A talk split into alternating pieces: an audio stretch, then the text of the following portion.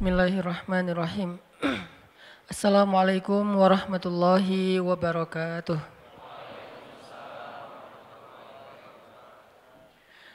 Alhamdulillahi rabbil alamin. Nahmaduhu wa nasta'inuhu wa nastaghfiruh. Asyhadu an la ilaha illallah wahdahu la syarikalah. Lahul mulku wa lahul hamdu wa huwa ala kulli syai'in qadir. Wa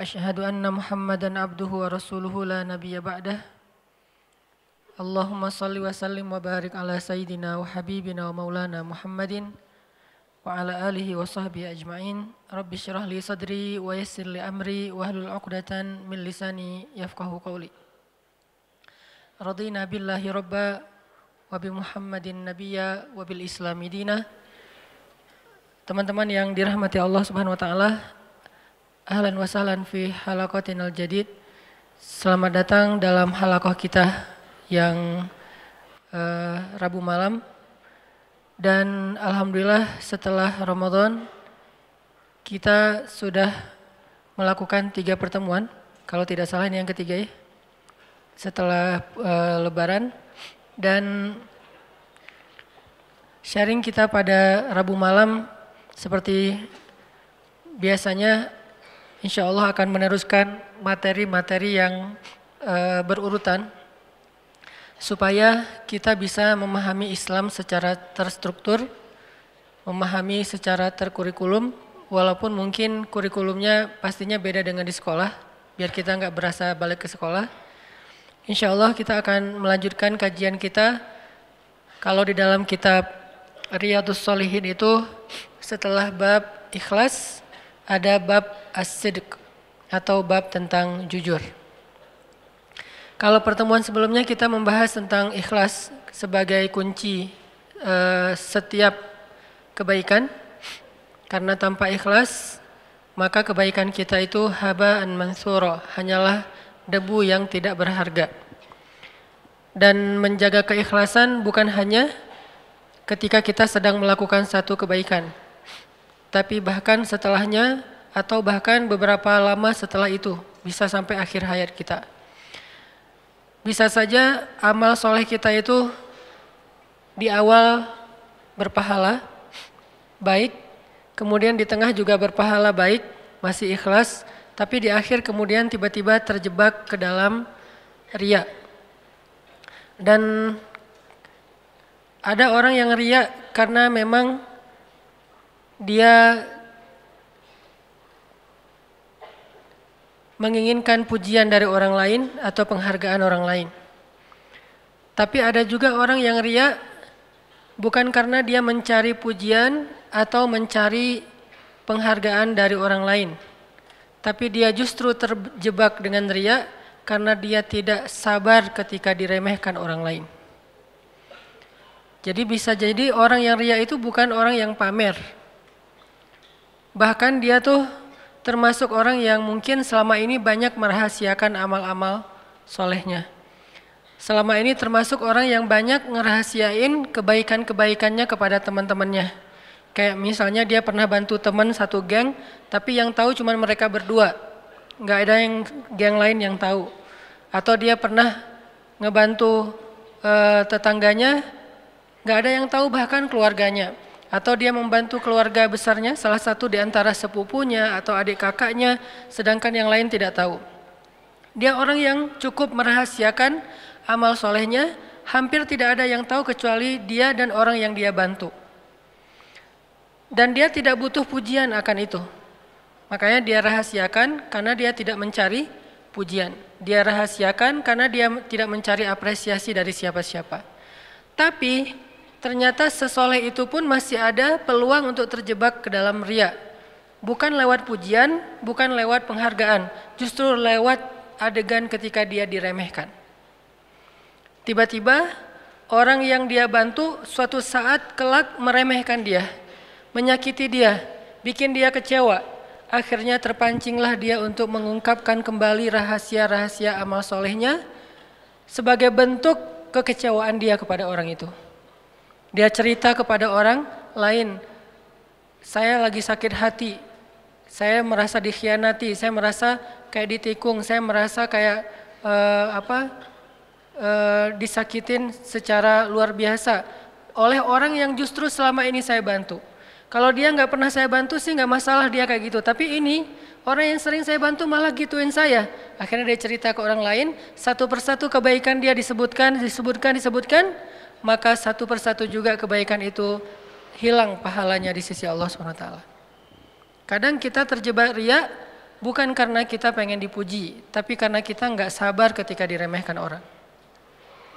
Atau mungkin oleh orang lain kita diremehkan bukan oleh orang yang kita bantu kita dianggap orang yang nggak care, kita dianggap orang yang nggak peduli kepada yang lain, kita dianggap orang yang egois, kita dianggap eh, individualis, kita dianggap eksklusif segala macam. Atau orang meremehkan kita, dianggap kita tuh orang yang nggak taat sama Allah, orang yang jarang ke masjid, orang yang nggak beribadah dengan baik segala macam lah tuduhan-tuduhan, dibilang kita nggak pernah tilawah segala macam. Akhirnya kepancinglah kita untuk nunjukin beberapa kebaikan kita yang pernah kita lakukan secara sembunyi-sembunyi bukan karena ingin dipuji, karena kita nggak mau diremehkan. Apakah kita sanggup menjaga rahasia amal kita ketika kita diremehkan? Ini adalah ujian. Dan kalau kita bisa menjaga amal soleh kita secara ikhlas, walaupun tidak selalu arti ikhlas itu diam-diam atau rahasia, tapi Salah satu cara ikhlas itu adalah merahasiakan amal. Kalau kita bisa menjaga keikhlasan amal kita sampai akhir hayat, baru kita disebut orang yang husnul khotimah.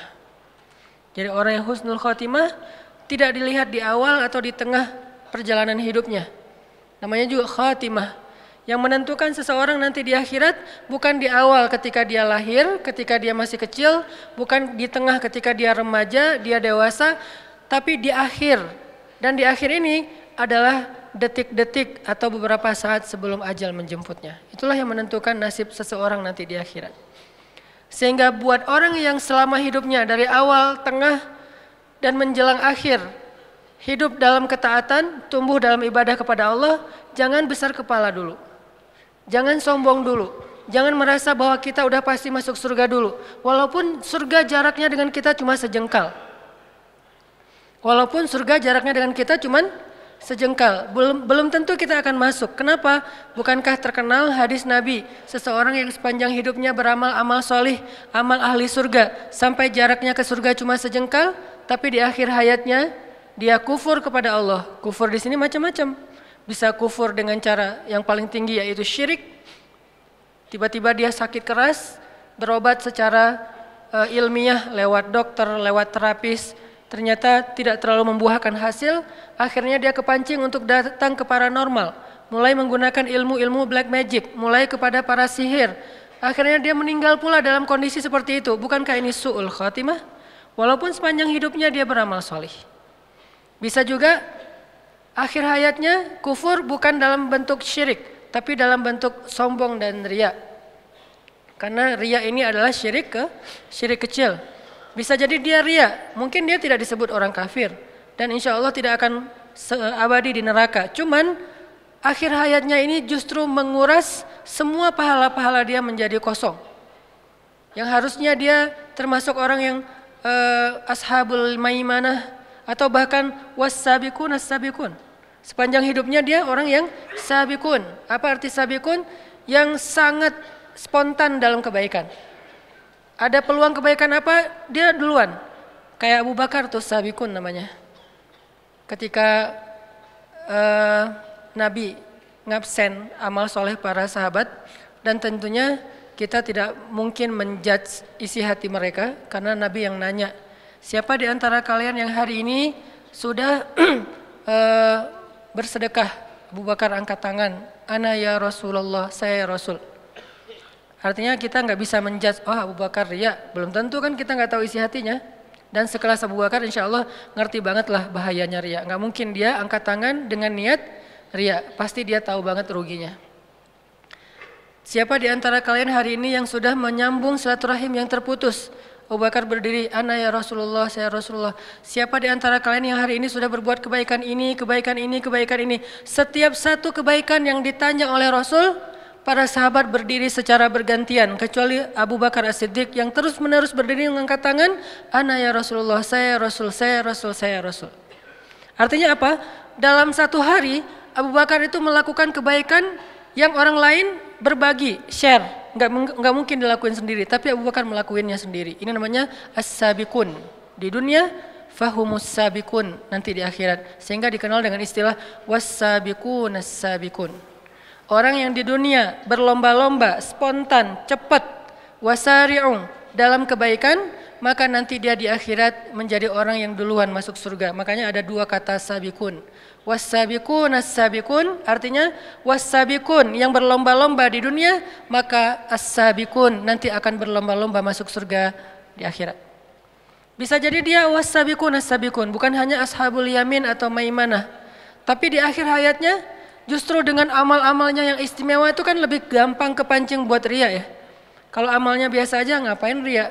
Justru karena amalnya istimewa, hafal Al-Qur'annya banyak, baca tilawahnya banyak, tahajudnya itu udah bertahun-tahun, puasanya kalau perlu bahkan puasa bukan hanya Senin Kamis tapi Daud, kemudian sedekahnya di atas rata-rata orang lain, umroh setiap e, berapa bulan sekali, haji setiap tahun, kayak Ibnu Mubarak setahun haji setahun berjihad, Pokoknya amalnya itu di atas rata-rata. Justru itu ujian untuk merahasiakan, menjaga keikhlasan itu akan lebih berat.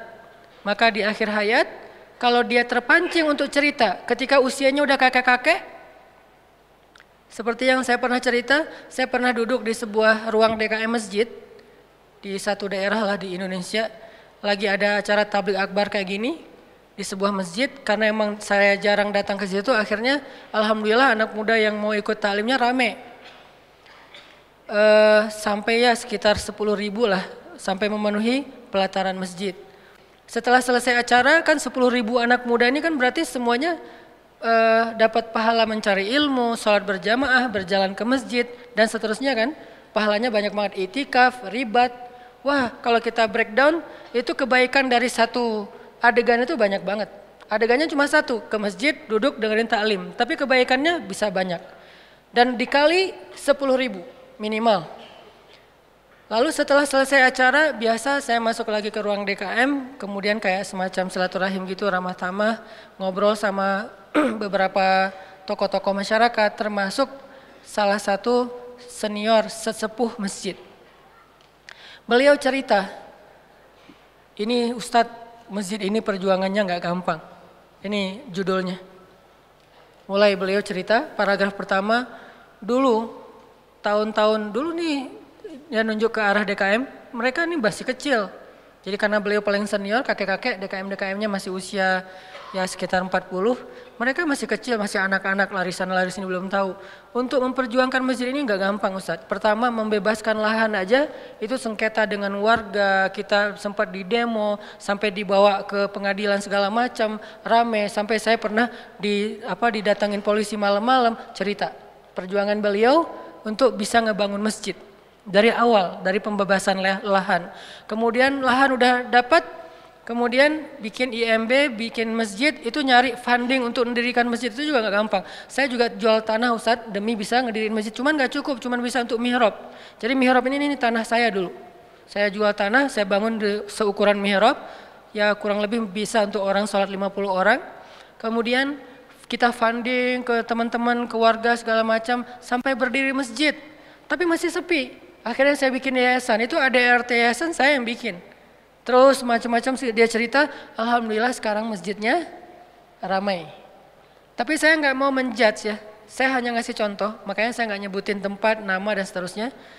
Yang jelas, bagaimana kalau beliau menceritakan ini, di awal niatnya adalah pengen sharing, pengen ya namanya orang berbagi pengalaman ya. Tapi tiba-tiba datang setan di tengah yuaswis, ya ya memang kamu nih hebat, kamu yang berjasa apa segala macam yuaswis sufi sudurin nas. Tiba-tiba dan salah saya waktu itu, saya kayak ngangguk-ngangguk terus kayak terkesima gitu muji. Pas saya muji beliau jadi semakin semangat kan menceritakan. Makin dipuji makin semangat. Dan saya nggak tahu, yang jelas beliau yang lebih tahu dengan robnya. Bagaimana kalau dalam kondisi kayak gitu, kita terpancing oleh setan atas pujian orang lain kepada kita. Atau lebih beratnya lagi, Udah sebegitu besar perjuangan kita diremehin oleh generasi berikutnya yang nggak tahu perjuangan kita. Kan itu ujian lebih berat ya. Kakek ini udah berjuang habis-habisan, udah berkorban, udah segala macam dari nol sampai jadi. Terus sekarang pergantian pengurus yayasan, pengurus DKM, terus dalam sebuah acara rapat-rapat kayak gitu, beliau beberapa kali nggak diundang, udah nggak diwaro, udah nggak dianggap. Sesekali beliau datang walaupun nggak diundang, beliau ngomong nggak ada yang mendengarkan nggak terlalu dianggap penting, lalu mereka juga mengabaikan beliau. Ini gimana nih kalau kayak gitu? Akankah kita terpancing untuk cerita ke semua pengurus baru? Kalian tahu nggak masjid ini gimana sejarahnya? Mulai cerita lagi, flashback lagi. Akhirnya satu persatu yang diceritain habis, habis, habis, habis, habis. Perjuangan sekian tahun yang nggak gampang pastinya berakhir dengan hanya satu cerita kecil yang menggugurkan semua pahala kebaikan-kebaikan yang Allah sudah catat untuk beliau di akhirat. Ini pentingnya belajar ikhlas. Dan bisa jadi teman-teman dari sekian puluh atau mungkin ratus atau mungkin ribu amal soleh yang kita kerjain, mungkin hanya satu amal soleh kecil yang bahkan kita nggak ingat, udah lupa, yang sampai kepada Allah. Sisanya nggak sampai. Udah naik, eh tiba-tiba hilang. Udah naik lama, setelah beberapa tahun hilang. Cuman ada satu dua amal kecil yang bahkan kita udah lupa karena saking nggak terlalu kerennya. Tapi itu yang sampai kepada Allah Subhanahu wa taala. Makanya kata Nabi, la tahkiranna minal ma'rufi syai'ah. Janganlah kalian meremehkan amal kecil walaupun sekedar tersenyum di wajah saudara kalian ketika kalian bertemu. Walaupun sekedar terse tersenyum. Tersenyum ria gitu eh gue habis tersenyum loh. tersenyum lapor-lapor. Gue hari ini tersenyum 10 kali. Kan enggak ya? Tapi kalau tawaf cerita orang umroh tuh yang yang pernah umroh pasti ngerasain banget tuh. E, pulang dari masjid kan biasanya ketemu kayak di restoran gitu kan di ruang makan hotel. Pas lagi e, masuk ke ruang makan, ini nih kebiasaan jamaah umroh masuk ke ruang makan bukan ngelihat menu dulu, ngelihat teman saya di mana ya. Karena itu kan kayak hall gede tuh, kayak kantin besar, food court. Terus nyari teman saya di pojok mana, oh di sana tuh. Akhirnya langsung ngambil makan, duduk. Karena makan sendiri itu garing. Pengennya makan sama teman-teman. Akhirnya pas makan sama teman-teman cerita, e, dari mana? Baru pulang dari masjid. Ya teman-teman udah pada selesai makan, kita baru mah mau makan saking telatnya. Kok telat banget sih kita dari tadi udah selesai? Ya soalnya tadi sebelum pulang mau tawaf dulu. Standar tuh ceritanya. Habis sholat uh, wajib sebelum pulang ah tanggung ah daripada ngantri di gerbang masjid mending gua tawaf aja. Paling beda setengah jam tawaf dulu. Masya Allah masya Allah. Jadi hari ini udah tawaf berapa kali? Alhamdulillah udah 10 kali. Tapi kan kita nggak tahu isi hatinya.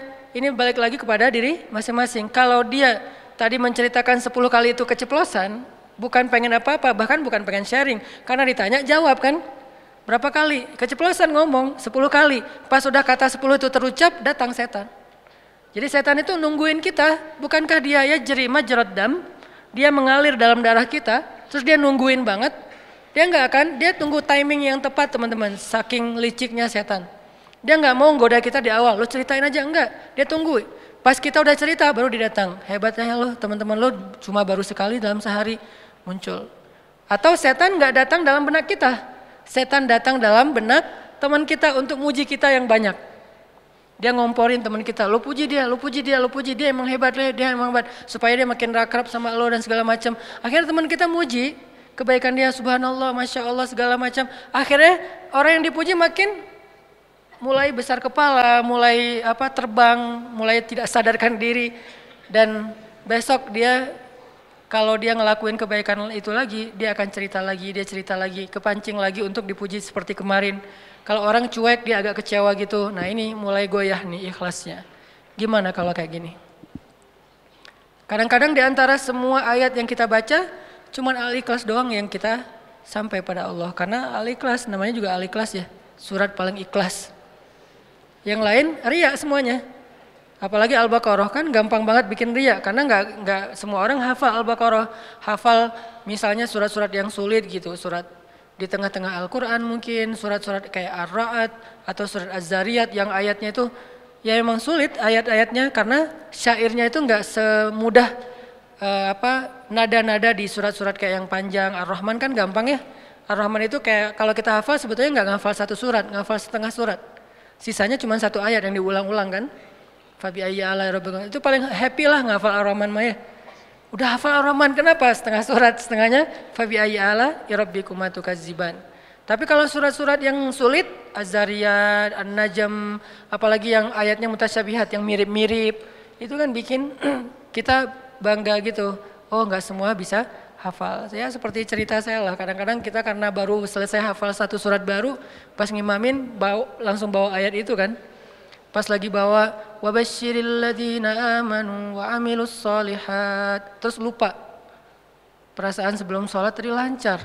Udah sholat bingung. Emang gitu ujian hafalan Al-Quran itu justru dalam sholat. Kalau dalam sholat udah lancar, berarti udah lancar.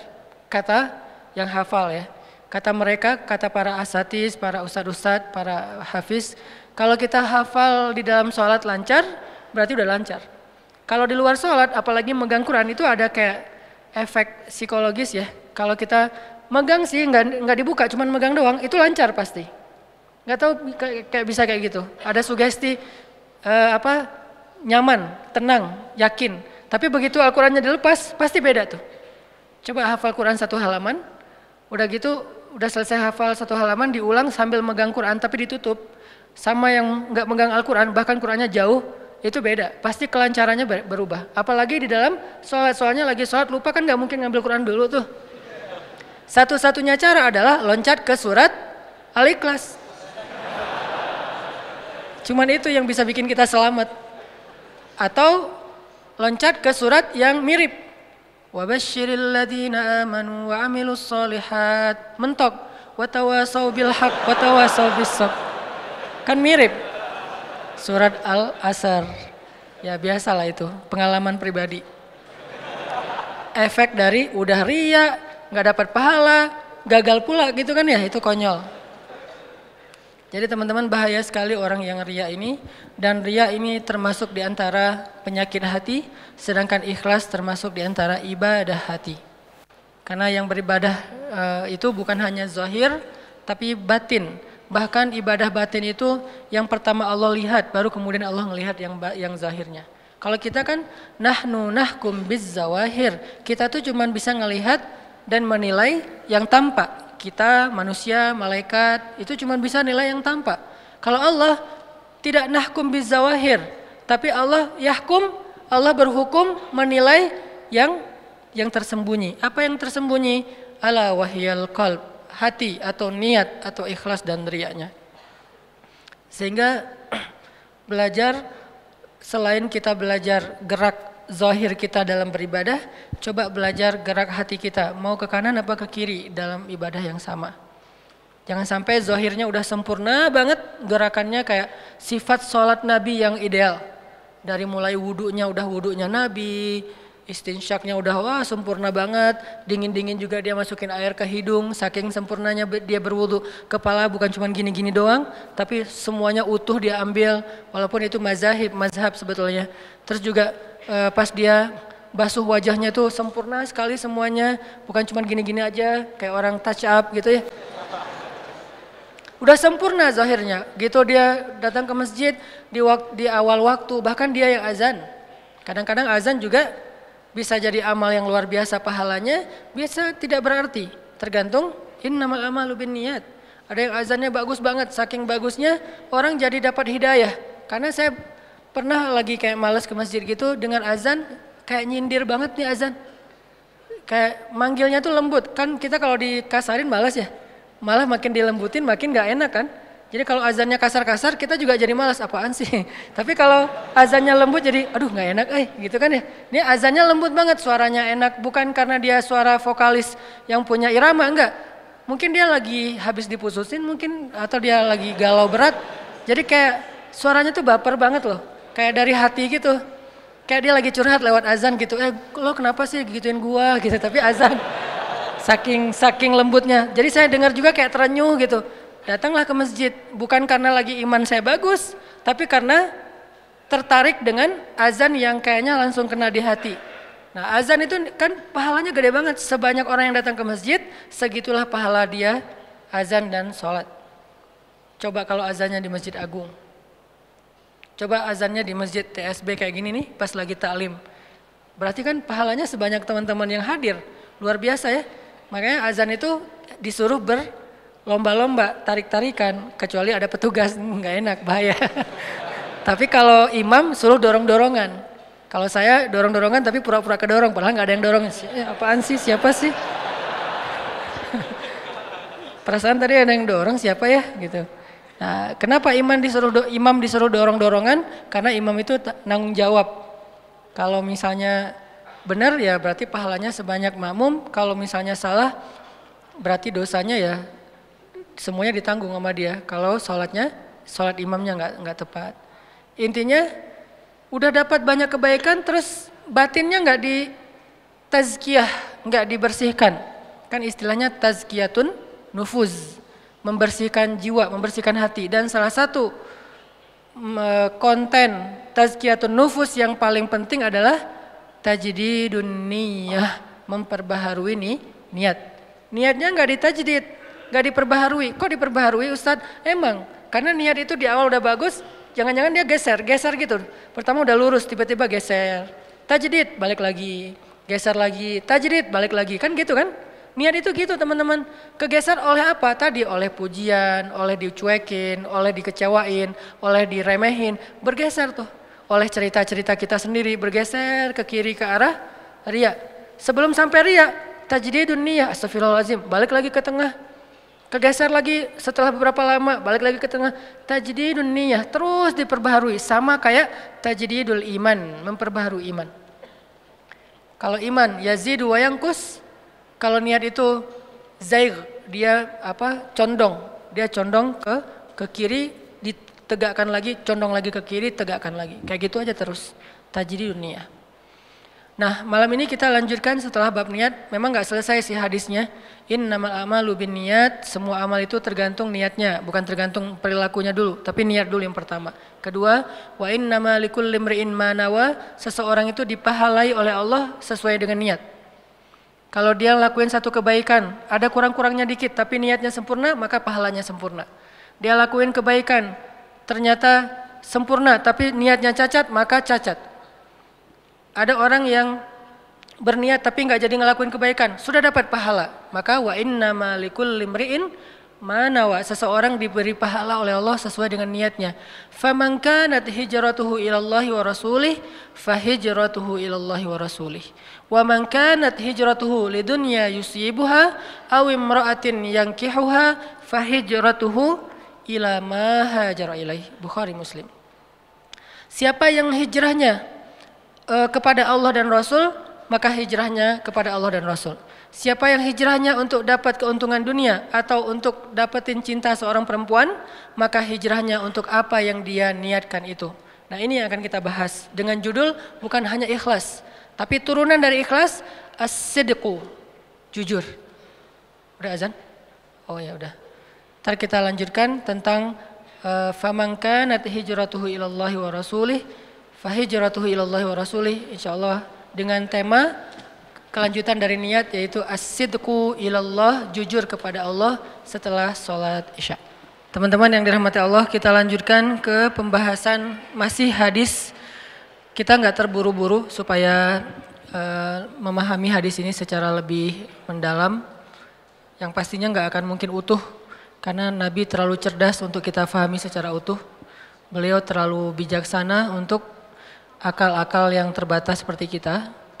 Meskipun berkumpul semua ulama sekelas Imam Syafi'i, Imam Ahmad bin Hambal yang hafal sejuta hadis, Imam Malik, Ibnu Mubarak, orang-orang keren ketemu untuk membedah satu hadis saja, bahkan mereka sendiri akan mengakui nggak mungkin mereka memahami hadis itu secara utuh. Tetap aja ujung-ujungnya Allahu wa rasuluhu a'lam. Itu ujung-ujungnya tuh. Karena para sahabat aja yang lebih keren daripada ulama kan generasi terbaik kan sahabat dulu nih. Udah gitu tabiin, tabiut tabiin dan seterusnya dan seterusnya. Sebutlah misalnya kalau Imam Abu Hanifah itu generasi tabiin, kemudian nanti setelahnya ada murid beliau Imam Malik dan seterusnya. Ngumpul nih untuk memahami hadis Nabi satu aja, mereka tetap aja akan berkata ujung-ujungnya Allah wa rasuluhu a'lam. Toh sahabat juga kayak gitu ketika Nabi tanya sesuatu, sahabat jawabannya Allah dan Rasul lebih tahu. Abu Bakar jawabannya Allah dan Rasul lebih tahu. Ibnu Abbas, Hibrul Ummah, orang yang paling ngerti tentang Al-Quran, bahkan kalau di antara para nabi, Ibnu Abbas itu kayak Nabi Khidir. Di antara para nabi, Ibnu Abbas itu kayak Nabi Khidir, tapi dalam status uh, sahabat, bukan dalam status nabi. Beliau aja bilang Allah dan Rasul lebih tahu. Terus Muaz bin Jabal, anak muda yang ilmunya luar biasa, yang kalau Nabi bilang uh, yang paling mengerti halal dan haram di antara umatku itu adalah Muaz bin Jabal yang paling ngerti mana halal mana haram itu Muaz bin Jabal dia juga bilang Allah dan Rasul lebih tahu tapi kita berusaha untuk memahami lebih dalam bukan secara utuh. Karena tidak ada yang paling utuh. Karena inilah kita akhirnya berpendapat pendapat saya tepat tapi ada kemungkinan keliru. Pendapat yang lain keliru tapi ada kemungkinan tepat. Bukan salah benar tepat keliru. Ini dua istilah yang sangat jauh berbeda. Ra'yi sawab wa yahtamilul khata. Wa akhar khata wa yahtamilus sawab. Pendapat kami dengan mazhab tertentu misalnya Syafi'iyah adalah tepat tapi ada kemungkinan keliru juga. Pendapat yang lain ada kelirunya tapi juga ada kemungkinan tepatnya. Yang pasti semua pendapat ini benar. Cuman mana yang paling tepat itu yang kita condong ke dalamnya. Cuman semuanya benar. Semua ahlu sunnah wal jamaah dari Malikiyah, Hanabilah, Syafi'iyah, Hanafiyah atau nanti mazhab-mazhab yang lain di antara mazhab fikih yang enggak terkenal selain empat ini semuanya benar di antara ahlu sunnah wal jamaah cuman mana yang paling tepat yang menurut kita kita nyaman dengan argumentasi-argumentasi dalil dan ilmiahnya akhirnya kita coba ikuti. Antara NU Muhammadiyah nanti ada Persis ada macam-macam termasuk uh, apa Eh, organisasi-organisasi masyarakat berbasis agama dan seterusnya semuanya berusaha berijtihad untuk lebih memahami ayat dan hadis tapi tidak ada satupun yang memahaminya secara utuh termasuk kita hanya mencoba untuk lebih dalam dalam memahami teks tersebut nah hadis innamal a'malu binniyat selama ini mungkin kita hanya mendengar satu Mungkin sebagian teman-teman hafal sampai akhir, tapi mayoritas orang Islam di Indonesia hanya tahu satu kalimat pertama di antara empat baris kalimat itu. Hanya innamal a'malu niat. Udah kita jelaskan. Wa innamal likulli imri'in manawa juga udah alhamdulillah kita jelaskan walaupun jauh dari sempurna. Sekarang kita coba masuk ke bait ketiga dan empat. Eh, faman kanat hijratuhu ilallahi wa rasulih fahijratuhu ilallahi wa rasulih. Wa man kanat hijratuhu lidunya yusibuha awin awim ra'atun yankihuha fahijratuhu ila maha jara ilaih. Apa makna dari bait ketiga dan empat setelah dua bait pertama? Kalau kita bisa kasih judul biar merangkum semua makna, maka bait ketiga dan empat ini bisa dikasih judul as-sidqu ilallah, jujur kepada Allah. Atau bisa juga kita kasih judul berbaiat uh, berakad dengan Allah. Itu judul bait ketiga dan keempat. Bisa dikasih judul jujur kepada Allah, bisa dikasih judul berakad dengan Allah. Bisa juga dikasih judul melibatkan Allah. Jadi semua yang pernah kita bahas selama ini tentang libatkan Allah dalam urusan kita, apalagi uh, jujurlah pada Allah pasti Allah akan jujur pada kita segala macam. Itu kalau mau ditarik mana teks rujukannya maka rujukannya adalah famangka kanat hijratuhu ilallahi wa rasulih fahijratuhu ilallahi wa rasulih. Siapa yang berhijrah kepada Allah dan Rasul, maka hijrahnya sampai kepada Allah dan Rasul. Pertanyaannya, apa maksud siapa yang berhijrah? Allah subhanahu Rasulullah wasallam di antara semua amal soleh, semua aktivitas, semua uh, adegan agama, Nabi memilih salah satunya yaitu adegan hijrah. Kan dalam Islam itu ada sholat, ada puasa, ada tilawah, yang paling puncak itu apa? Jihad. Kan jihad itu adalah puncaknya ibadah. Walaupun bukan yang paling uh, apa uh, bukan yang paling apa, yang paling utama ditanya. Yang kalau kalau yang paling utama ditanya sholat, tiang agama. Masing-masing ibadah itu kan ada kayak uh, kebaikannya ya, ada fadilahnya, keutamaannya. Nah kalau sholat itu tiang agama, yang pertama ditanya, kalau ini belum beres, yang lain gak akan ditanya. Tapi walaupun kayak gitu, tiang ini ada atapnya, bahkan ada puncaknya. Nah Puncaknya ibadah itu adalah al-jihad fi sabilillah. Sehingga ayat-ayat jihad banyak sekali kita temukan di dalam Al-Quran. Termasuk yang tadi dibaca di rakaat pertama. Uh, Allah menawarkan, Hal adullukum ala tijaratin tunjikum min azabin alim. Maukah kalian aku uh, tawarkan sebuah tijarah, perniagaan. Arti perniagaan kita menjual, Allah membeli. Kan arti perniagaan jual beli kan? Ada yang ngejual, ada yang beli. Terus apa bentuk jual beli dengan Allah? Allah katakan jual beli dengan Allah itu adalah tu'minu nabillah wa rasulih wa tujahidun. Kalian percaya dulu sama Allah karena nggak mungkin kita jual beli dengan seseorang transaksi kalau kita nggak percaya sama dia. Kita bertransaksi karena kita percaya. Misalnya kita membeli barang, eh, kita menjual barang, kita percaya dia akan bayar sesuai dengan perjanjian. Jangan-jangan ntar kayak misalnya dia bayarnya pakai terming, tiga kali bayar. Kalau kita nggak percaya sama dia gimana? Gak berani kita pakai terming harus uang dulu baru saya kasih barang. Dia juga gitu. Kalau dia nggak percaya sama kita, ntar barangnya yang dikasih ternyata cacat lagi, nggak benar, nggak sesuai dengan spek yang dijelasin di awal. Berarti iman, beriman dulu kepada Allah, Rasul, baru kemudian Allah tawarkan mana jual belinya. Tujahidun fi sabilillahi bi amwalikum wa anfusikum. Kalian berjihad di jalan Allah dengan harta kalian dan dengan diri kalian. Arti diri di sini adalah nyawa. Sebagian besar tafsirannya adalah nyawa, harta dan nyawa kalian. Oh berarti apa yang kita jual harta kita? Apa yang kita jual nyawa kita? Apa yang kita beli? Apa yang kita dapatkan bayaran dari yang kita jual itu? Kita membeli atau mendapatkan pertama, yaghfir lakum dzunubakum. Allah ampuni semua dosa-dosa kalian, bukan min dzunubikum, bukan sebagian dosa kalian, dzunubakum, semua dosa-dosa kalian. Dari sejak kalian balik sampai kalian wafat, semuanya dihapusin sama Allah. Luar biasa nih tawarannya. Ini yang Allah bayar untuk kita. Wa yudkhilkum jannat. Allah jamin kalian masuk surga, dijamin. Yudkhilkum jannat. Bahkan kalimatnya tegas gitu.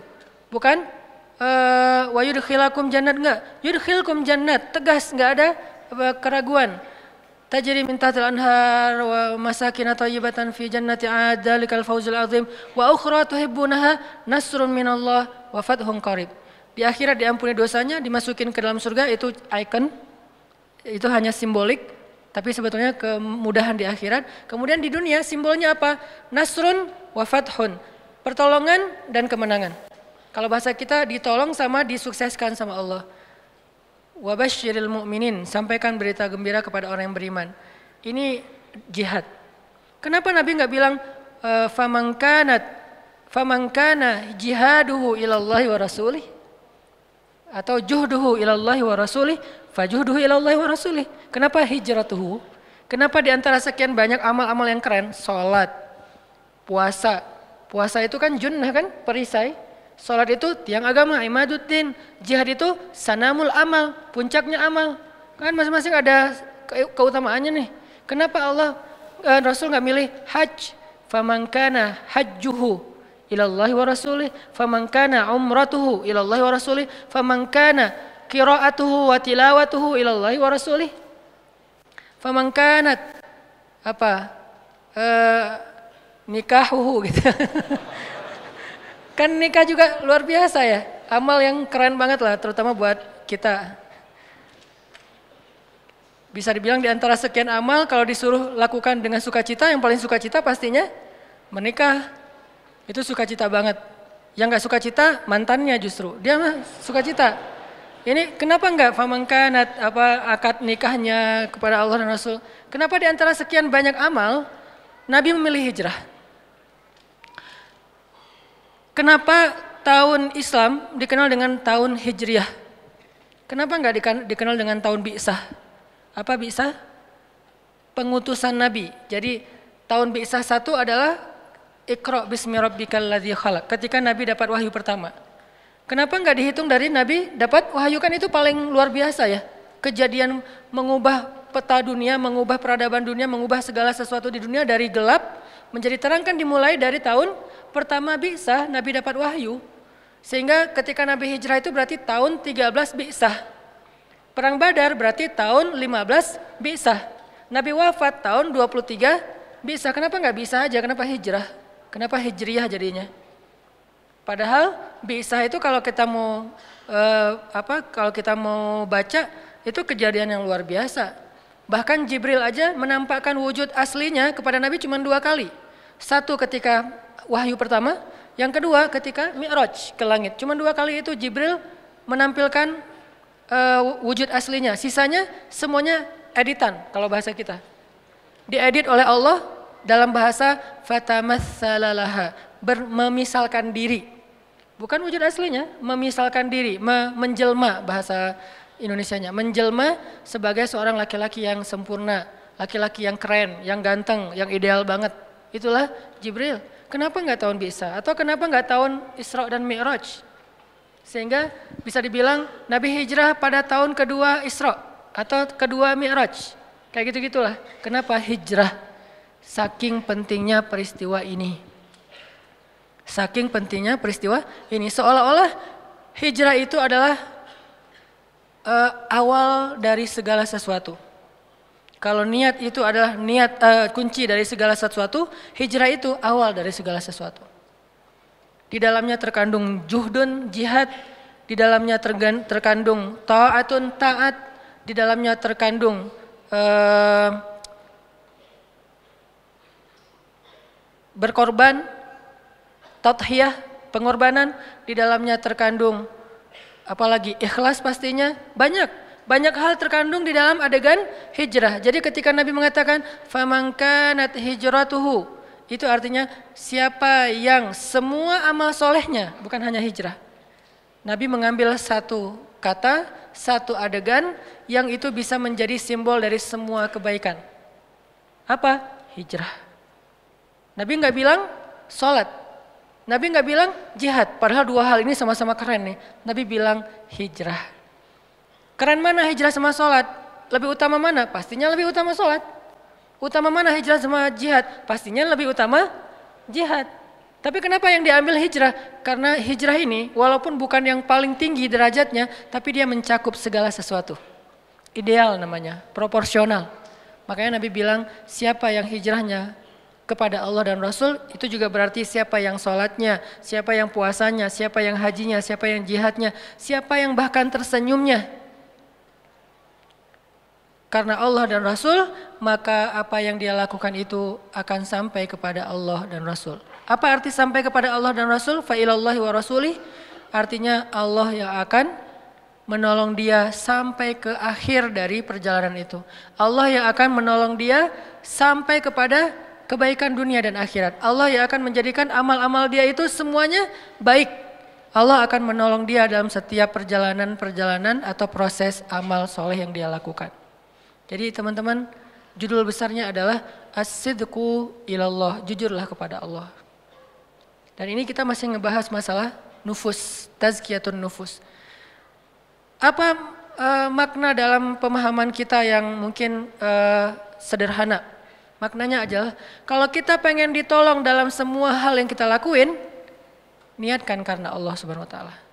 Kalau dua bait pertama, kalau kita pengen dapat pahala dari semua yang kita lakuin, niatkan kepada Allah. Kalau sekarang beda lagi, bukan cuma pahala, pengen ditolong, pengen Allah terlibat, pengen Allah masuk dalam uh, program kita, maka niatkan karena Allah Subhanahu wa taala. Siapa yang jujur kepada Allah, ya Allah saya nikah karena Engkau, ya Allah saya kuliah karena Engkau, ya Allah ya Allah ya Allah, semua kebaikan yang kita lakuin karena Allah, bahkan kebaikan itu bukan hanya yang wajib, teman-teman.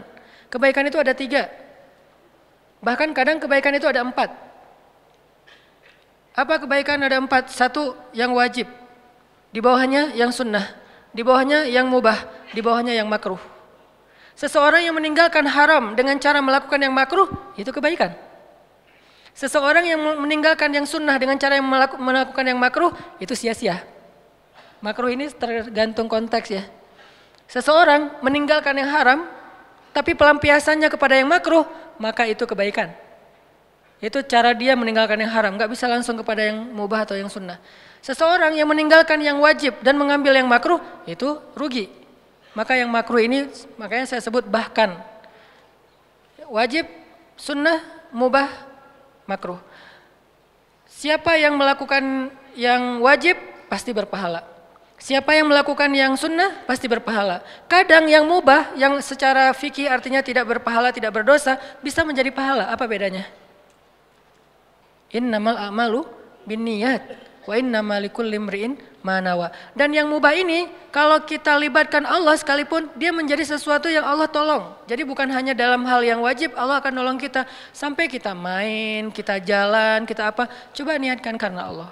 Pasti Allah akan tolong kita dalam dalam urusan itu dan dijadikan urusan itu sebagai kebaikan di sisi Allah SWT. Saya ngomong kepada kayak misalnya kayak Pevi lah, Pevi Permana, anak skateboard Pevi pas main di Asian Games sekarang misalnya, kalau Pevi niatnya cuma buat dapetin medali, cuman pengen prestasi, maka itu mubah, tidak berpahala, tidak juga berdosa, biasa aja.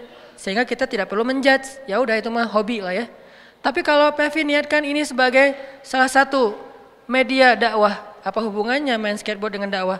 Kalau Pevi jadi tokoh anak muda dengan prestasinya, kemudian fansnya Pevi yang senang main skateboard meniru, apa yang ditiru? Oh ternyata uh, pemain pro juga sholat di masjid.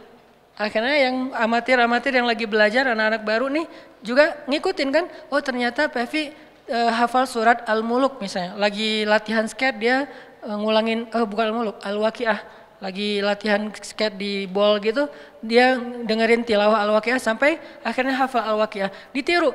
Innamal amalu bin niat. Faman kanat hijratuhu ilallahi wa rasulih fa hijratuhu ilallahi wa rasulih. Dan yang dia lakuin sebetulnya sama aja. Enggak gara-gara niat kepada Allah terus dia sambil main skateboard sambil dia zikir, enggak. Enggak, enggak gitu-gitu amat agama teh enggak terlalu berat. Jadi yang dirubah itu bukan perilakunya, karena perilakunya sebetulnya berstatus mubah bukan haram ya. Kalau haram memang harus diru, dirubah. Tapi kalau yang mubah nggak perlu dirubah. Dia tetap main skate, dia nggak perlu bawa tasbih, dia nggak perlu komat kami tilawah Al-Quran sambil main skate. Tapi pahalanya bukan hanya pahala olahraga, tapi juga dia pahala dakwah yang dirubah cuma niat. Tapi yang dia lakukan nggak ada yang berubah. Jadi jangan berpikir orang kalau nggak komat kamit baca Al-Quran berarti dia nggak dapat pahala. Walaupun baca Quran itu keren pastinya. Kalau nggak berzikir, nggak kelihatan di, di tangannya e, bertasbih berarti dia nggak pernah ingat Allah. Bisa jadi dia melakukan yang kita lihat mubah, duduk nongkrong di kafe. Bisa jadi dia kayak lagi ngobrol sama teman-teman doang. Bisa jadi dia chat. Kok dia bentar-bentar langsung buka handphone sih? Orang habis habis habis sholat biasanya kan zikir dulu. Ini ada yang habis sholat langsung buka handphone. Jangan suuzon dulu. Tapi buat kita kalau bisa zikir dulu. Kalau buat orang lain ya siapa tahu dia ada hal darurat. Siapa tahu dia lagi ngerjain sebuah proyek sosial yang memang lagi hektik banget, lagi banyak kerjaan sehingga sholat juga habis sholat langsung banyak yang masuk nih gimana nih gimana soal teknis di oper, operasional di lapangan dia harus langsung ngerespon biar beres kerjaannya bisa jadi kita berzikir dia ngurusin proyek sosial dan sama-sama berpahala walaupun kita nggak berani membandingkan ya. Tapi tetap aja ada hadis menyelesaikan hajat seorang muslim atau seseorang yang butuh sesuatu butuh bantuan itu kadang lebih utama daripada itikaf di masjid 60 tahun. Dan masjid mana yang dimaksud oleh Nabi? Masjid ini. Masjid ini apa? Nabawi yang di dalamnya ada raudhah. Menyelesaikan hajat seseorang yang lagi punya masalah Kadang lebih utama saya sempat uh, masukkan kalimat kadang karena nggak boleh kita generalisir. Kalau gitu saya nggak usah itikaf, saya nggak usah sholat, udah aja bantu orang. Nggak gitu-gitu juga sih memahami agama. Harus komprehensif. Kadang dia lebih utama daripada beritikaf di masjid 60 tahun. Jadi jangan suuzon dulu dengan orang yang langsung buka handphone. Atau jangan kepo juga, dia buka apa dulu daripada gua suuzon, gua lihat. Ya nggak usah kepo kali. Lo kenapa sih? Gue nggak mau suzon, mending gue tabayun. Tabayunnya dengan dilihat semua isi handphone orang, itu bukan tabayun, namanya tajasus. Beda antara tabayun sama tajasus. Tabayun kita uh, meminta apa uh, apa klarifikasi atau minta tanggapan dari dia. Tajasus mencari-cari hal pribadi dan privasi tentang orang lain. Membuka handphone orang lain itu tajasus namanya. Membuka handphone istri itu cinta. Karena cinta kita cemburu. Dia tadi habis chat sama siapa ya? Gua enggak apaan sih? nah, balik lagi ya, libatkan Allah di dalam urusan kita nanti akan ditolong sama Allah. Tapi cara melibatkan Allah gimana Ustadz? Apakah kita hanya dengan mengatakan bismillah? Enggak, itu salah satu cara melibatkan Allah. Jadi tahapan melibatkan Allah itu banyak teman-teman. Mulai dari sini.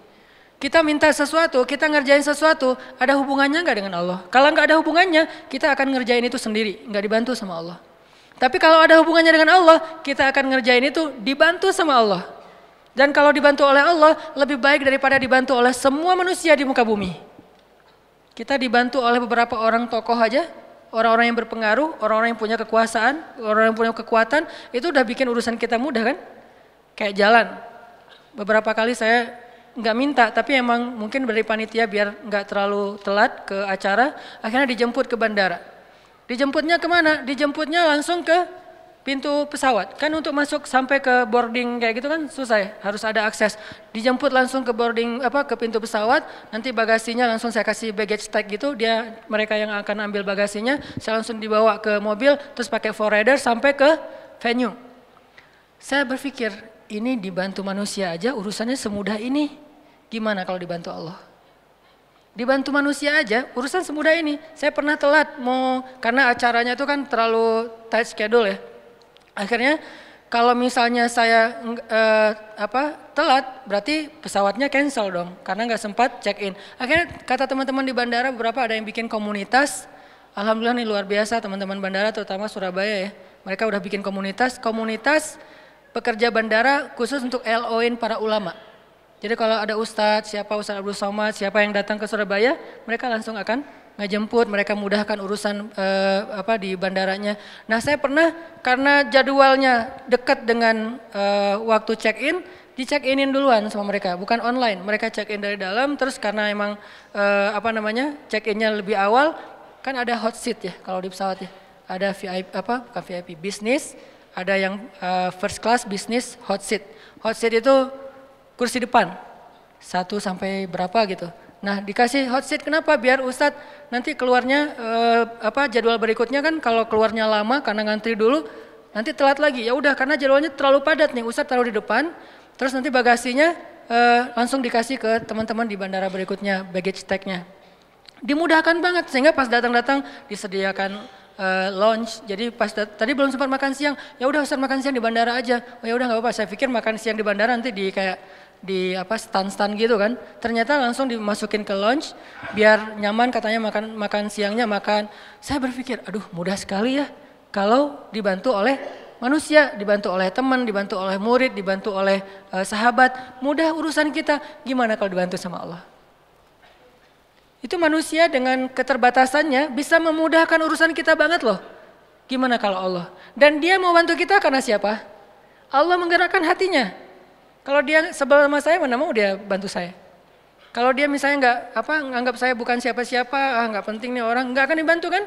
Karena Allah menggerakkan hatinya, Allah bikin dia uh, respect ke saya, Allah bikin dia ngerasa saya seseorang, bukan saya seseorang, Allah bikin dia ngerasa saya seseorang, merasa kayak kalau bantu ustadz dapat pahala, kalau ini kan lillahi ta'ala kan?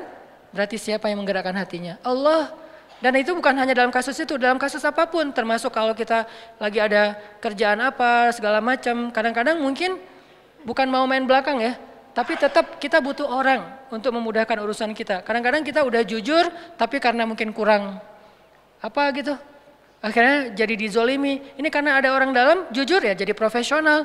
Banyak hal lah, contoh-contoh kehidupan kita sehari-hari. Ini ditolong oleh manusia aja bisa mudah. Gimana kalau ditolong oleh Allah Subhanahu Taala? Makanya kita begitu antusias, begitu semangat untuk bangun network. Saya harus banyak teman, biar ke mana-mana mudah. Anak-anak uh, skuter, anak-anak Vespa misalnya, di mana-mana punya teman, geng, komunitas. Jadi pas Vespanya rusak di tengah jalan, jam satu malam, dia nggak susah-susah nyari teman. Misalnya rusaknya di Ciamis, masa nelfon teman di Bandung, sampai ke sana tujuh jam lagi kan ya? Ya udah dia nelpon temennya yang dekat-dekat sana. Kalau nggak kenal, dia nelpon dulu yang di Bandung. Oh ada tuh temen gue. Lu dari daerah, daerah mana? Dekat ini, dekat ini. Ditelepon temennya. Jam segitu kan biasa namanya juga komunitas biasa malam suka nongkrong apa. Belum tidur, datang.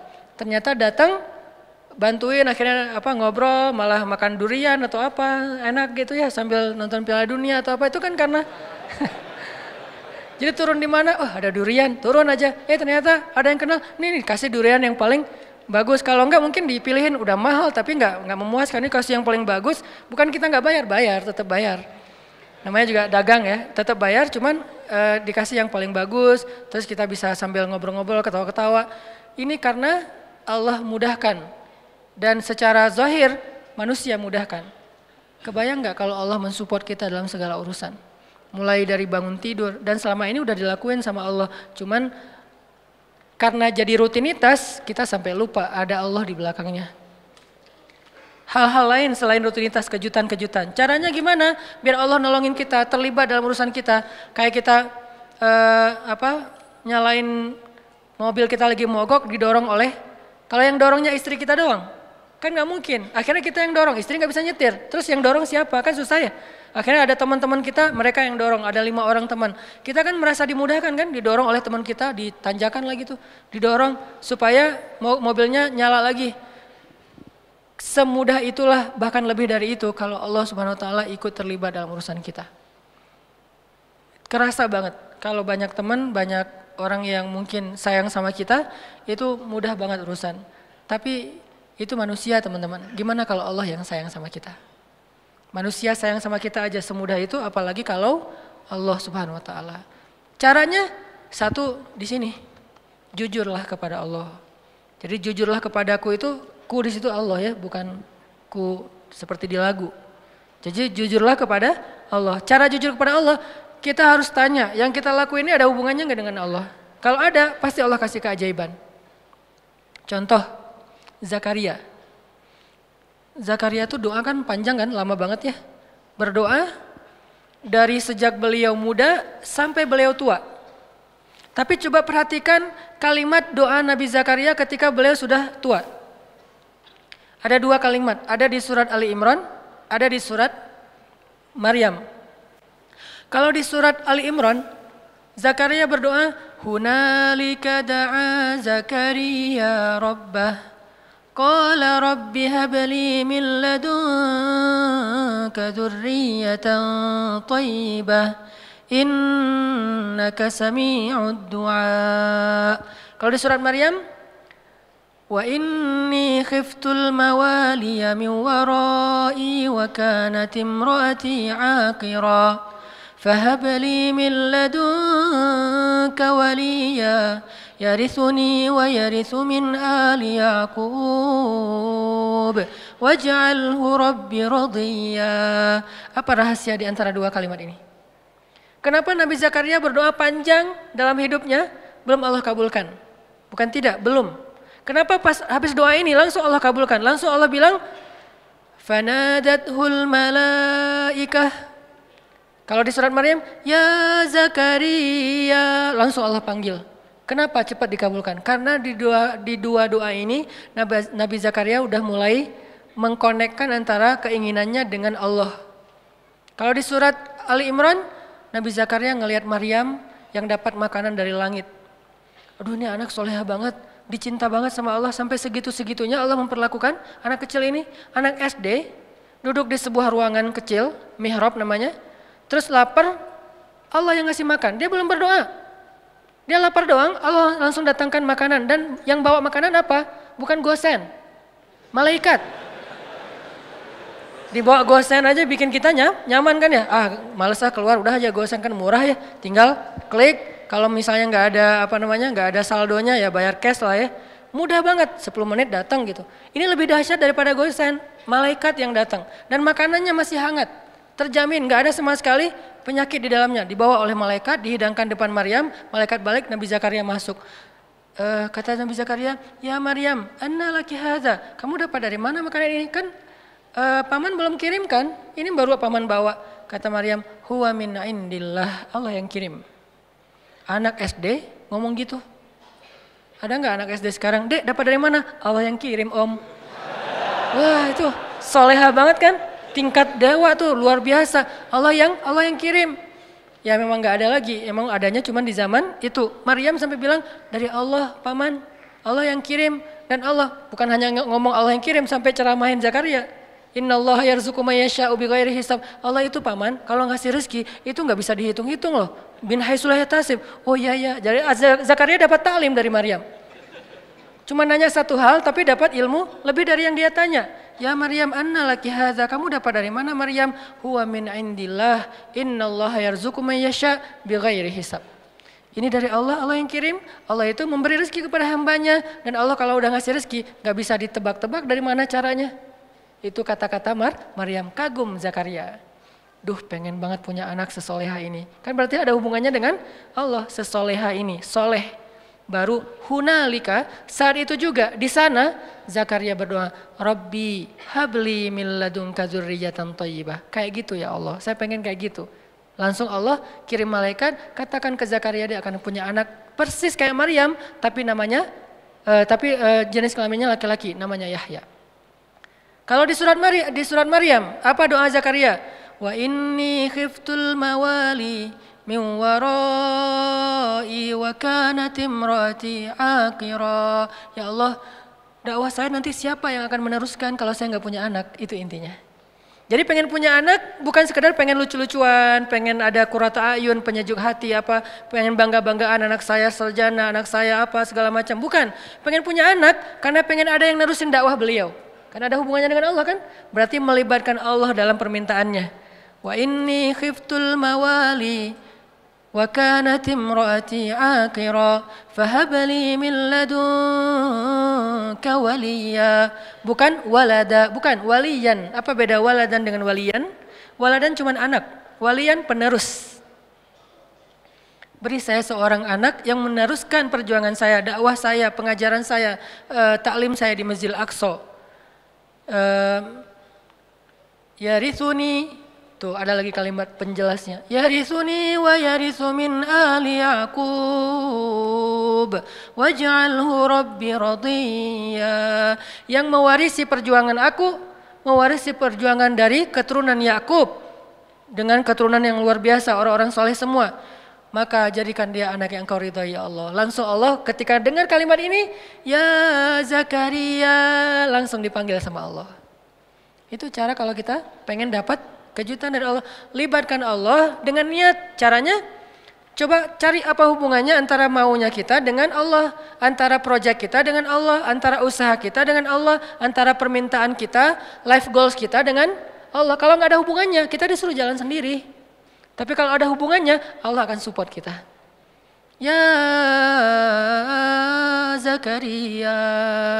Langsung Allah panggil. Inna nubashiruka bighulam. Bahagialah wahai Zakaria, berbahagialah. Kamu akan punya anak. Ismuhu Yahya. Lam naj'al lahu min qablu samiyya. وآتيناه الحكم صبيا وحنانا من لدنا وزكاة وكان تقيا وبرا بوالديه ولم يكن جبارا عصيا وسلام عليه يوم ولد ويوم يموت ويوم يبعث حيا spesifik luar biasa nih dikasih dengan spesifik yang yang istimewa. Bukan cuma ini anak laki-laki yang kamu minta, enggak. Allah langsung kasih tahu anaknya itu kayak gimana. Anaknya cerdas, anaknya soleh, anaknya terjaga, anaknya nggak pernah emosion, nggak nggak pernah emosian, anaknya nggak pernah baperan, nggak pernah durhaka, nggak gini gini gini. Baik banget. Kalau di surat um, Ali Imran dia uh, sid, uh, siddiqan wa hasuran wa nabiyan, musaddiqan wa hasuran wa nabiyan, anak yang meneruskan perjuangan dakwah, anak yang hasur, menjaga kehormatan, anak yang nabiyan, menyampaikan kebenaran. Ini luar biasa. Kenapa? Karena Zakaria mengaitkan keinginannya dengan Allah. Jadi kalau kita punya satu keinginan, punya satu bahkan mungkin bukan hope tapi wish sesuatu yang kadang-kadang kayak nggak kebayang kita bisa nggak sih nggak masalah make a wish kita bikin sebuah harapan yang menurut kita mungkin nggak susah diwujudkan, tapi ketika sebuah harapan yang kita anggap sesuatu yang nggak mungkin dilibatkannya kepada Allah, apa sih yang nggak mungkin buat Allah? Apa sih yang sulit buat Allah? Bukankah semuanya itu ada dalam pengaturan Allah? Biadihil mulk. Arti biadihil mulk, semuanya itu dalam kekuasaan Allah Subhanahu wa taala. Terserah Allah mau diapain, caranya di sini. Faman kanat hijratuhu ilallahi wa rasulih fahijratuhu ilallahi wa rasulih. Akhirnya para sahabat yang berhijrah dalam konteks hijrah berhijrah meniatkan karena Allah. Contohnya misalnya ada yang berhijrah seorang diri seperti Suhaib Ar-Rumi, banyak sahabat yang hijrah seorang diri. Beda sama Umar ya. Kalau Umar kan hijrahnya posting ya. Sebelum hijrah posting dulu. Captionnya, eh ahli Mekah, hei orang-orang Mekah. Dia dia mention satu persatu at Abu Jahal, at Abu Sufyan. Satu-satu di dimention sama Umar. Terus terakhir pakai hashtag ahli Makkah. Ya ahla Makkah. Ya masyara Quraisy. Ya Aba Jahal. Ya Abu ya Abu Sufyan. Ya ya ya banyak banget. Ya itu kan at ya. Bahasa Arabnya ya, bahasa Instagramnya at. Setelah dimention satu-satu dia bilang apa? Fa'lamu anni muhajir. Ketahuilah kalian, gua pengen hijrah. Hijrahnya tuh dikapitalin lagi tuh, gede tulisannya biar orang tahu kalau dia mau hijrah. Terus di bold, saya mau hijrah. Siapa yang pengen istrinya jadi janda, anaknya jadi yatim, tunggu saya di balik bukit itu. Ditunjukin apa Sherlock bukit mana yang disuruh tungguin. Saking spesifiknya Umar bin Khattab, nggak ada yang berani nungguin Umar. Tapi pertanyaan saya agak ini mungkin pertanyaan penasaran. Kenapa Nabi nggak hijrah bareng Umar aja kalau kayak gitu? Kan hijrah bareng Umar amar, aman banget kan ya? Kata Umar, eh orang Mekah, gua mau hijrah bareng Rasulullah. Ada yang berani nungguin gak? Siapa yang mau istrinya jadi janda, anaknya jadi yatim, tunggu kami, saya dan Rasulullah di belakang bukit. Kan aman tuh hijrahnya. Kenapa Nabi nggak hijrah bareng Umar aja sih biar gampang, nggak ada adegan surakoh, nggak ada adegan sembunyi dalam gua sur, nggak ada adegan uh, apa diikat talinya oleh anaknya Abu Bakar, Asma binti Abu Bakar, kan nggak ada adegan-adegan yang sulit nggak ada ada adegan Ali harus tidur di tempat tidurnya Nabi. Kenapa? Hijrahnya dikawal sama Umar bareng dengan Hamzah, dua petarung Mekah yang disegani nggak ada yang berani sama dua orang ini nih.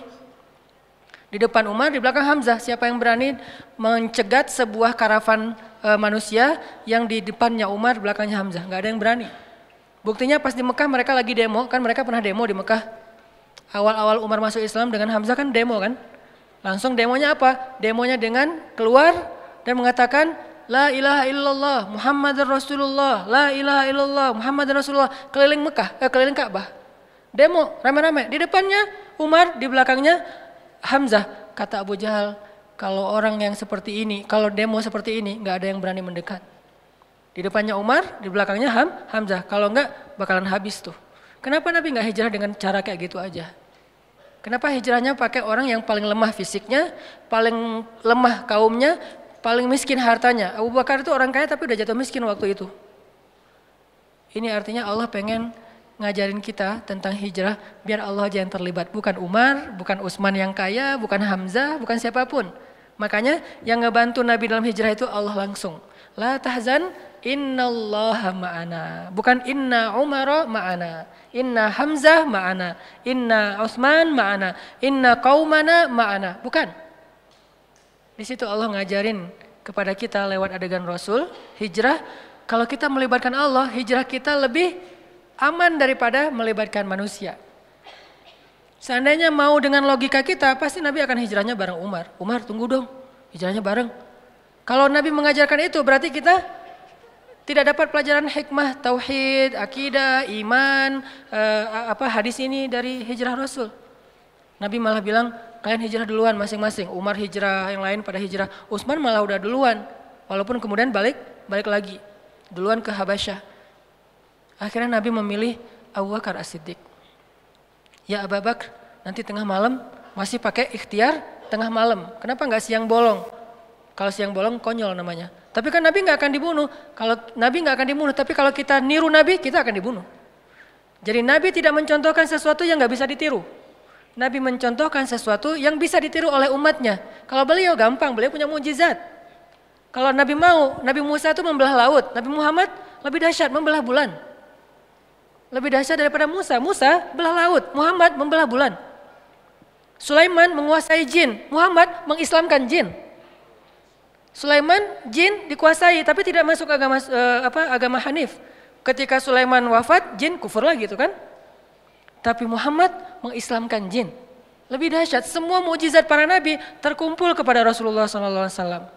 Jadi kalau Nabi mau, nggak usah pikir strategi lah apa segala macam. Kenapa pengen hijrahnya ke Madinah tapi malah jalannya menjauh dari Madinah ke Gua Thur. Malah sembunyi di sebuah eh, lubang kecil. Kenapa nggak terang-terangan aja kayak Umar? Karena kalau Nabi melakukan itu, lalu kita meniru, kita akan mati konyol. Karena kita nggak punya mujizat. Sehingga Nabi meniru, mencontohkan sesuatu yang bisa kita tiru sebagai manusia biasa. Beliau nggak egois. Gue kan punya mujizat, ngapain sih gentar-gentar, takut-takut amat. Udah biasa aja kali, ntar Allah juga pasti nolong. Gak mungkin Allah membiarkan nabinya dicelakai oleh musuh-musuhnya. Ya, tapi umatnya. Sehingga Nabi contohkan, kalau saya contohkan ke gini, kasihan umat saya, nanti nggak bisa niru. Kalau mereka tiru yang ini, habis mereka. Sehingga saya contohkan sesuatu yang kalau mereka tiru, mereka aman. Caranya berstrategi lah, caranya pakai taktik, caranya bersiasat, dan seterusnya dan seterusnya. Dipilih Abu Bakar, tapi kalau pakai Umar nggak ada pelajaran uh, apa akidah, makanya Nabi memberi banyak pelajaran dalam hijrah. Hijrah dengan Abu Bakar.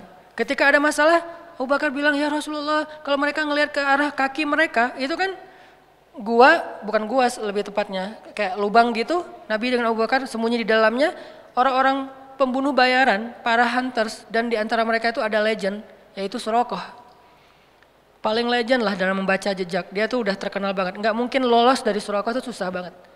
Dia bisa ngeliat jejak onta udah berapa lama hangat atau udah dingin. Ini udah udah kering atau tidak bekas kakinya onta. Terus di atas onta itu perempuan atau laki-laki, anak kecil atau orang dewasa, meronta-ronta atau normal. Sampai tahu sedetail itu Surakarta. Mereka membaca jejak. Ke mana arah mereka ketahuan lah Padahal Nabi itu udah pakai banyak strategi. Caranya Nabi lewat, terus lewat anaknya Abu Bakar dengan pembantunya Abu Bakar untuk nutupin jejak Nabi pakai ternak-ternak. Ketahuan juga tetap, namanya juga Surakoh. Udah berdiri depan gua, Surakoh and the gang. Nabi di dalam sembunyi. Apakah Nabi takut? Sama sekali tidak. Nabi waktu itu sama sekali tidak bersembunyi karena takut. Lagi ngajarin kita cara sembunyi. Kalau Nabi mau, Nabi tinggal keluar, eh ada apaan sih? Bisa, gampang buat Nabi. Lo mau gua doain? Kan gak berani. Nabi belum angkat tangan udah pada stroke semuanya tuh. Kalau Nabi mau kan, tapi Nabi lagi ngajarin kita teman-teman. Jadi adegan siroh adalah pelajaran buat kita, bukan apa yang Nabi rasakan. Nabi nggak takut sama sekali. Sekelas Nabi nggak mungkin takut lah, sang pemberani banget. Tapi Nabi pengen ngajarin kita sembunyi di dalam. Abu Bakar resah, bingung nih mana nih kalau mereka ngeliat ke atas, ke bawah. Mereka udah ngeliat ke atas bukit nggak ada, ngeliat ke kanan nggak ada, ngeliat ke kiri nggak ada, ngeliat ke belakang nggak ada. Cuman satu lagi yang nggak dilihat ke bawah. Allah tahan pandangan mereka untuk ngelihat ke bawah. Ini cara Allah nolong mereka. Walaupun sebagian ulama bilang ada sarang laba-laba dan merpati, tapi sebagian besar ulama mengatakan tidak. Ini masih perdebatan lah ya, Allah alam. Yang jelas, yang pasti di antara mereka sepakat, Allah memalingkan mata mereka dari melihat ke bawah.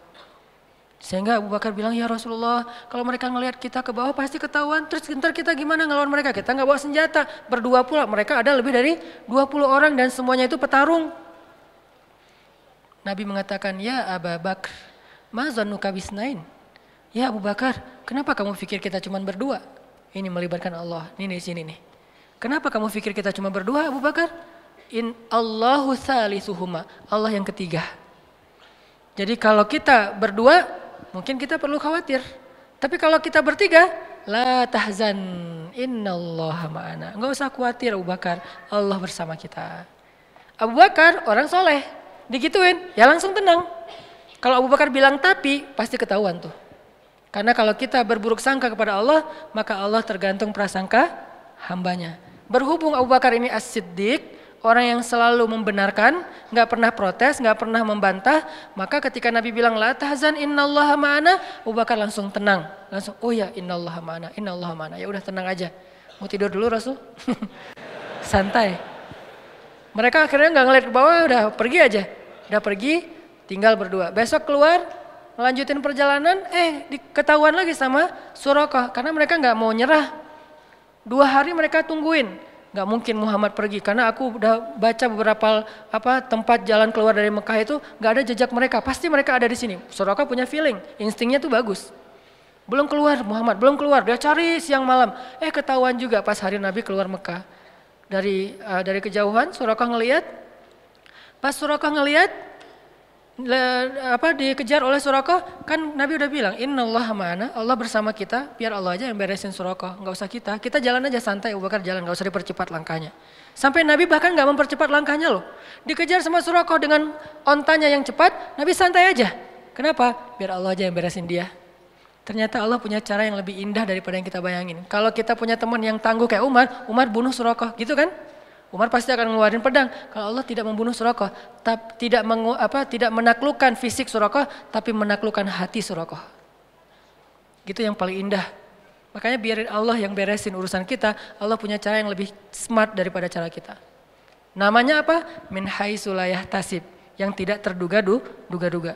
Tiba-tiba Surakoh ontanya ngambek nggak mau jalan, tiba-tiba kayak habis bensin gitu loh. Kenapa sih kok mogok nih onta gua nih? Onta Suraka tiba-tiba mogok, padahal itu onta bagus banget loh. 4000 cc kali ya, cepat banget ya.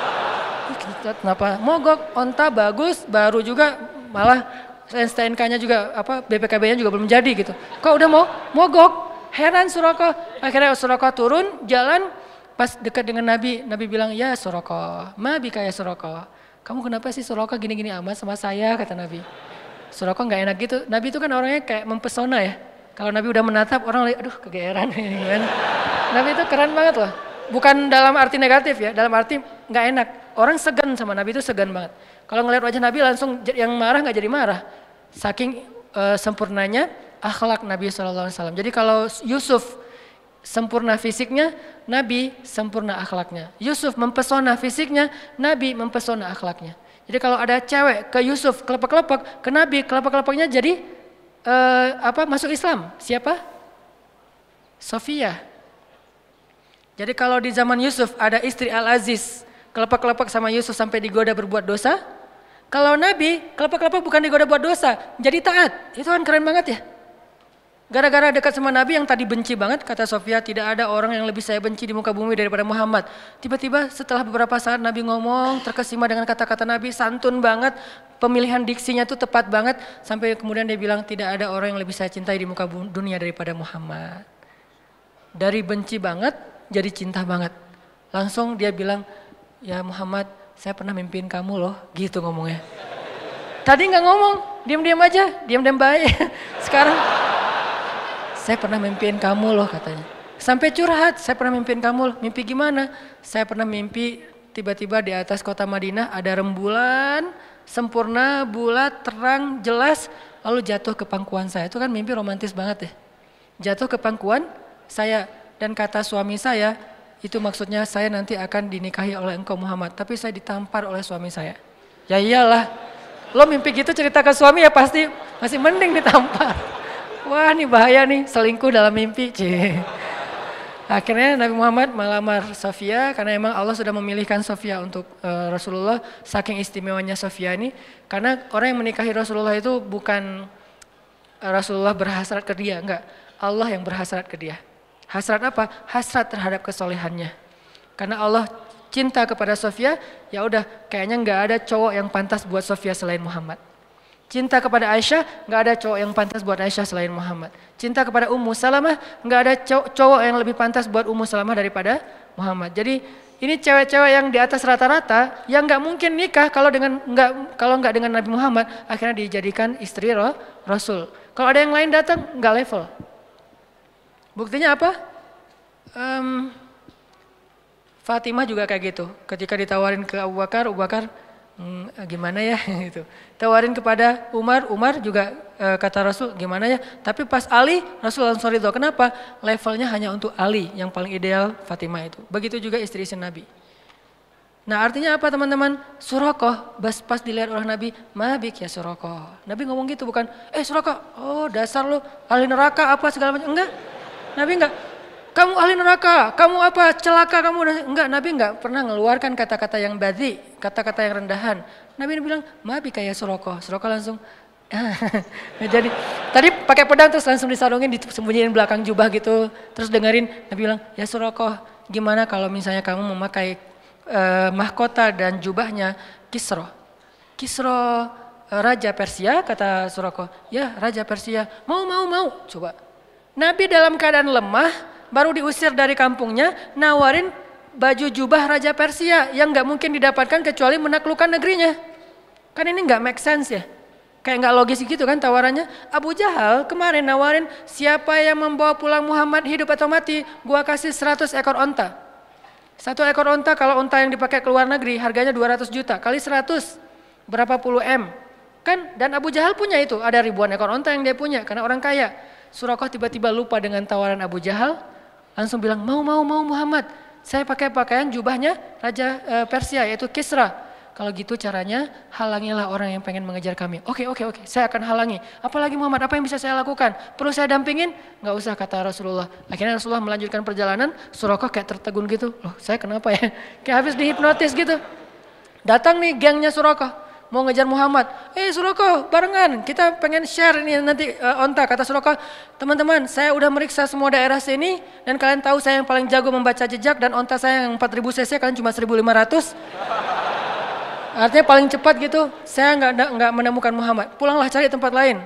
Mereka kan nggak bisa bantah kalau Suroko kan senior gitu kan daripada ntar uh, dikerjain. Akhirnya ya udah balik aja. Nabi bisa selamat hanya berjalan berdua dengan Abu Bakar As-Siddiq. Kenapa? Melibatkan Allah thalithuhuma. Ma zannuka bisnain ya Abu Bakar? Kenapa kamu pikir kita cuma berdua Abu Bakar? Allahu thalithuhuma. Allah yang ketiga.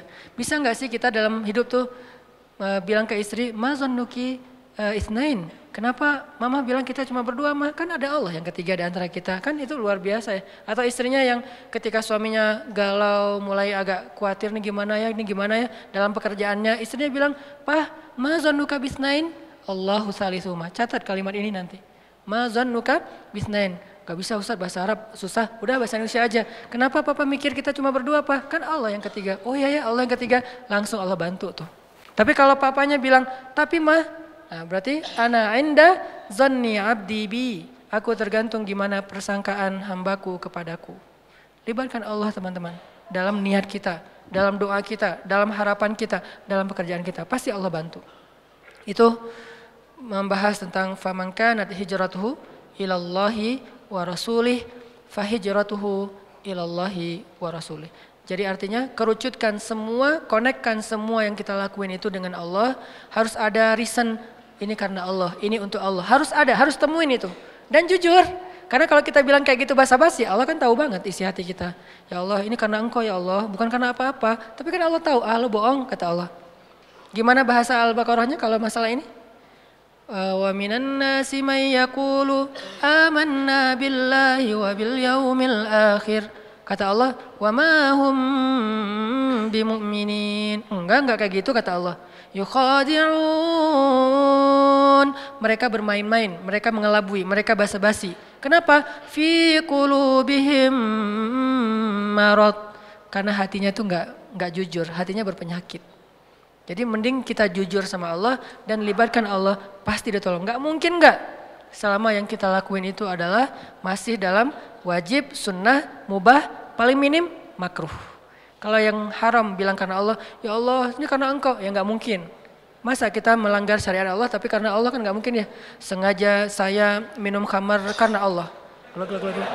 Mana ada yang kayak gitu-gitu. Sengaja saya berbohong karena Allah nggak juga. Kecuali tiga bohong yang diboleh, dibolehkan. Itu aja teman-teman. Insya Allah next uh, week kita akan bahas lagi hadis ini. Saya hanya ingin hadis ini bukan hanya kita hafal, karena menghafalnya itu terserah masing-masing. Menghafal baik, nggak menghafal juga nggak dosa. Cuman kita jadikan hadis ini sebagai uh, motivasi hidup. Kita jadikan hadis ini sebagai quote dalam hidup kita supaya kita selalu bersemangat untuk taat kepada Allah. Barakallahu li Wassalamualaikum warahmatullahi wabarakatuh.